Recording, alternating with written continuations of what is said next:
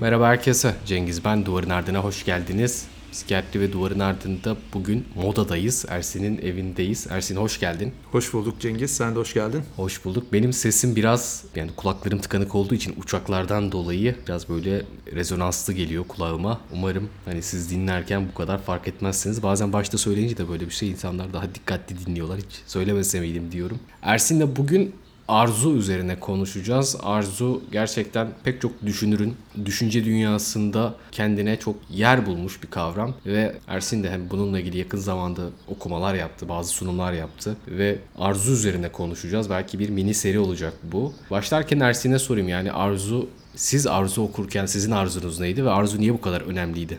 Evet.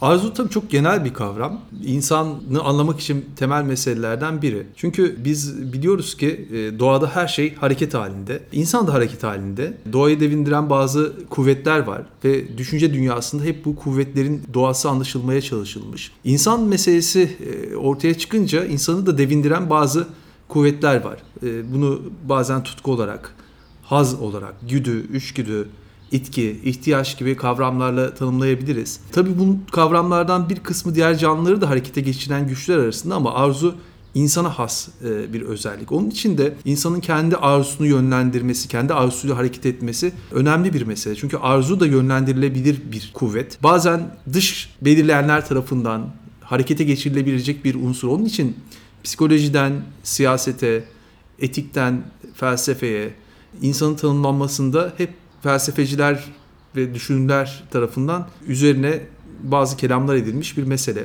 Bizim psikoloji açısından da önemli bir kavram. Çünkü aslında psikiyatrik birçok fenomeni arzu kavramı üzerinden tanımlayabiliriz. Bazen arzunun azaldığı, bazen arzunun arttığı durumlar e, psikiyatride tanımlanan durumlar. Bir taraftan da insanı insan yapan en temel kavramlardan biri. İnsan doğduğu andan itibaren harekete geçişinde onun yönelimini sağlayan bir durum olduğu için insanı insan yapan temel meselelerden biri. Spinoza arzuya insanın özüdür diyor. Biz biraz arzu kavramını Spinoza üzerinden sonra Deleuze üzerinden anlamaya çalıştık. Okuduğumuz yerlerde biraz buralardan e, kaynak alıyordu. Tabi doğa nedir dediğimiz zaman doğadaki hareketi anlamaya çalışıyoruz. İnsan nedir dediğimiz zaman da arzuyu görmeden insanı tanımlayabilmek mümkün değil.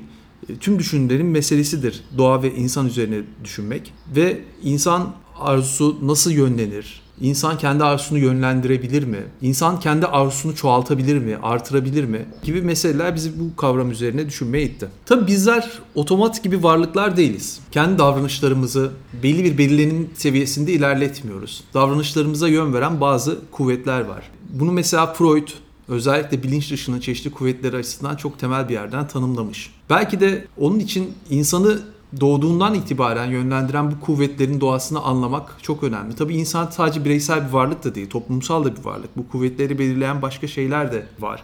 Örnek veriyorum hepimiz bir anda çok moda olan bir şeyin peşinden gidebiliriz. Arzularımız bazen kendi içsel dinamiğiyle hareket etmeyebilir. Dışarıdan başka şeylerde arzularımızı belirleyebilirler. Hep görürüz zaten. Bazen bir bakarız bir şey moda olur ve herkes onu kullanmaya gider. Bazen şey olur değil mi yani bir arzunun kendi arzumuz olup olmadığı ile ilgili bir sorgu suale düşeriz. Evet. Değil mi? Arzumuzu belirleyen şey sadece içsel bir şey midir? Biz içten mi bunu üretiriz yoksa dışarıdan bir durum da bizim arzumuzu belirler mi?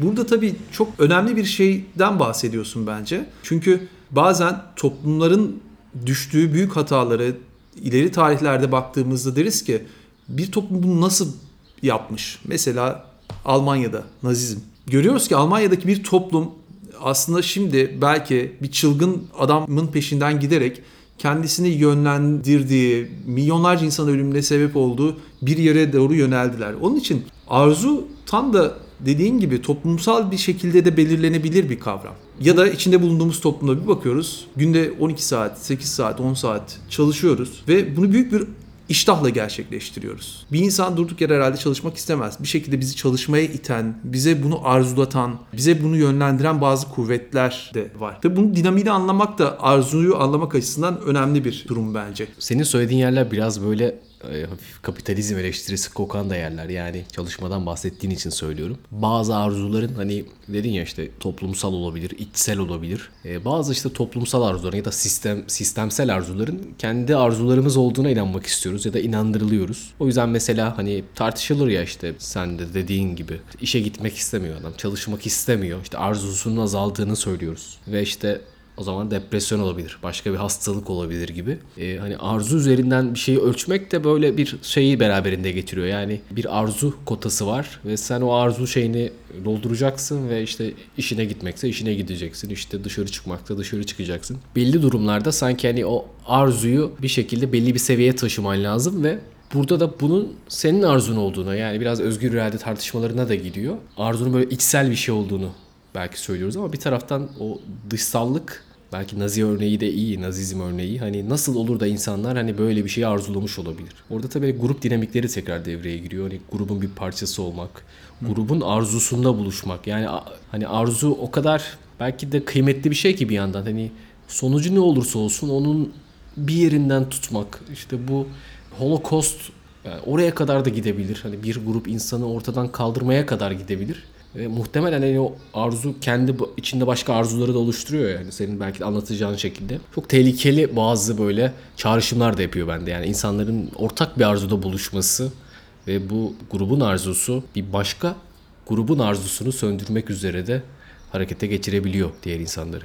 Evet bir insanın arzusu bir başka insanın arzusunu da söndürebilir ya da dediğin gibi bir grubun arzusu başka bir grubun arzusuyla da çalışabilir. Aslında e, burada tabii e, içinde bulunduğumuz sistemin bir eleştirisini de arzu kavramı üzerinden yapabiliriz. Çünkü içinde bulunduğumuz sistem bir taraftan üretim ve tüketimin çok iç içe olduğu da bir sistem. Hem insanları ürettirmek için bir şeye yönlendirmek gerekiyor hem de tüketimi artırmak için de bir şeyi yönlendirmek gerekiyor. Yani mesela şimdi örnek veriyorum Kadıköy'de bir kahve içmek istesen muazzam bir kuyruk. Yani insanlar yarım saat 40 dakika kuyrukta bekleyebiliyorlar. Bir arzu istenen bir durum, bir arzu meselesi haline gelebiliyor bir kahve içmek mesela. Ya da işte bazen televizyonlarda e, dinliyoruz herhangi bir yeni çıkan son model e, bir ürünün peşine insanlar kuyruklara girebiliyorlar. Sabahlara kadar bekliyorlar. Geceden orada kamp yapıyorlar sabah evet. ilk o şeyi almak için, ürüne kavuşmak için. Belki de kapitalizmin en önemli başarılarından biri bu. İnsanın arzusunu yönlendirebiliyor. Ve bir anda biz kendimizi herhangi bir ürünü isteyen bir pozisyona girebiliyoruz. Ve bu tüketimi de artıran bir yere gidebiliyor. Ya da bir kahveyi arzulayan ya da bir telefonu, arabayı arzulayan bir yere gidebiliyoruz. Bugün okudum galiba böyle daha evrimsel açıklamalardan birisi. Belki biraz daha hormonlarla işte testosteronla ilgili şeyler. Mesela özellikle e, genç erkeklerin 20'li yaşlarında işte 30'lu yaşlarında bir şekilde serbest gezmelerinde işte arzularının peşinden özgürce gitmelerini engelleyen bir takım şeyler olduğu söyleniyor. İşte bunlardan bir tanesi askerlik. Bir tanesi işte iş bulma zorunluluğu toplumun hani bir şekilde bir dayatmasıyla mesela o yaştaki şeylerin hani testosteron seviyelerinin yüksekliğiyle beraber hani arzularının arkasından hani biraz daha belki işte o biyolojik tutku içgüdü gitmesi çok daha muhtemel diye sistemi mesela dayattığı bazı şeyler olduğu söyleniyor. Şimdi buna belki üniversitelere ekleyebiliriz. Yüksek lisans eğitimi. Hani insanlar kendi arzularıymış gibi de bir yandan hissediyor ama bir yandan da aslında başka bazı arzuları yönlendirmek, kontrol altına almak için de bazı böyle belki tırnak içinde entelektüel arzular, farklı türlü arzular da üremiş, türetilmiş gibi gözüküyor. Herhalde genel o işte büyük resim hani görürsek sanki birileri farkında bu arzunun bir yerlere yönlendirilebileceğinin. Evet. Yani hepimiz hayatımızda şöyle şeyler yaşayabiliriz. Özellikle orta yaştaki insanlarda bu çok daha sık görülür. Mesela hayat bize bir yol çizer ve bu yolun birçoğu kısmı belirlenmiştir aslında. İşte okula gitmek gerekir. Okula gittikten sonra sınavlara girmek gerekir. Bir üniversite kazanmak gerekir. Üniversitede başarılı olmak gerekir. Ee, bizim gibi branşlarda üniversiteden sonra bir yerde ihtisas yapmak gerekir. Ama belli bir yerden sonra bir bakarız böyle. Yaşamın tam ortasında, orta yerinde bir anda insan kendisini bir çıkmazda hisseder, depresif bir duyguda hisseder. O zamana kadar aslında arzularımız hep böyle yönlendirilebilir bir yerdedir ne yapacağımız çok bellidir. Ne istediğimiz çok bellidir ve bir anda kendi isteğimizi nereye yönlendireceğimiz konusunda bir çıkmaza e, gireriz. Bu kadar belirlenmişlik üzerinden giden istekler bir anda kendi oluşturabileceğimiz şey üzerine gider. Belki de arzunun en önemli e, noktalarından biri de bu. Arzu üretilebilir bir şeydir. farklılaştırılabilir bir şeydir. Yön verilebilir bir şeydir. Bu bazen toplumlarda insanlar üzerine tahakküm kurmanın bir aracına dönüştüğü gibi bir insanın özgürleşmesi açısından da bir fırsattır da. Şimdi arzu kavramını Spinoza şöyle alır. Mesela bir iştahtan ayırır arzuyu. İştah mesela bir şeye acıktığımızda bir şeyler yemek isteriz. Bu biraz ihtiyaçla alakalı bir mevzudur. Arzu bilincinde olunan iştahtır. Aslında yönlendirilmiş bir iştahtır. Yani arzulayan insan bir taraftan arzuyu da üretir. Mesela işte bir pazar günü oturup kitap okumayı arzulayabilirsin. Bu bir ihtiyaç değildir. Onun için çok insani bir yanı, insana özgü bir yanı var. Ya da bir bilim insanı laboratuvarda e, bir aşının bulunması için oturup çaba sarf edebilir. Ya da kütüphanede bir ömrünü harcayabilir. Ya da bakarız bazen bazı insanların arzularına topluma uymazlar ve biz şaşırırız. Neden böyle bir şey yapıyor? Çünkü çok böyle o toplumsal kodlara uyan bir yerden hareket etmeyebilir. İşte bir sanatçının arzusu mesela, bir sinemacının arzusu, bir ressamın arzusu. Bize arzunun aslında toplumsal kodlardan kaçan bir yanının olduğunu da hatırlatır hep. Arzumuzu nereye yönlendireceğimizi oluşturmak bu anlamda bir etik meseleye de dönüşüyor. Nasıl bir insan olacağım? Nasıl bir yaşam yaşayacağım? Nasıl bir yaşamı istiyorum? Nasıl bir yaşamın peşinde koşacağım? Onun için belki de Spinoza'nın kitabı olan Etika da temel meselelerden biridir. Onun için arzuyu insanın özü yapmasının, böyle değerlendirmesinin nedeni de budur. Etik bir yaşam için arzumuzu nasıl yönlendireceğimiz, nasıl oluşturacağımız, nasıl kuracağımız çok temel bir mesele.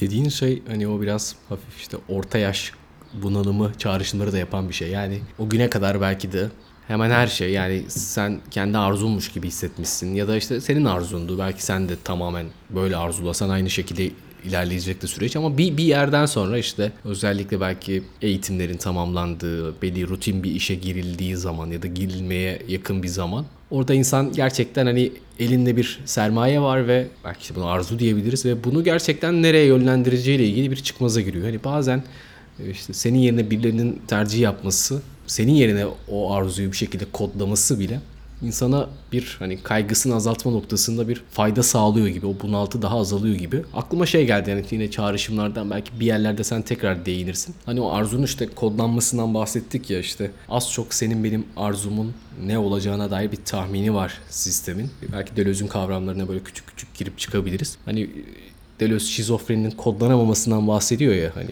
onu biz nasıl şey yapabiliriz? Bir zaman gireceğiz tekrar hani psikanalize, nevroza bir şekilde onları üzerine konuşacağız ama mesela nevrozun bir şekilde Freud'un öncülüğünde bir zamanlar hani böyle delilik gibi görülen bir hastalıkken işte o histerik kadınlar, o histerik krizleri bir şekilde hani nevroz adı altında kodlanabilir bir şeye döndüğünü hani Deleuze de söyler ya işte sistem bir şekilde nevrotik hastalıkları kabul etti kapitalizmle beraber.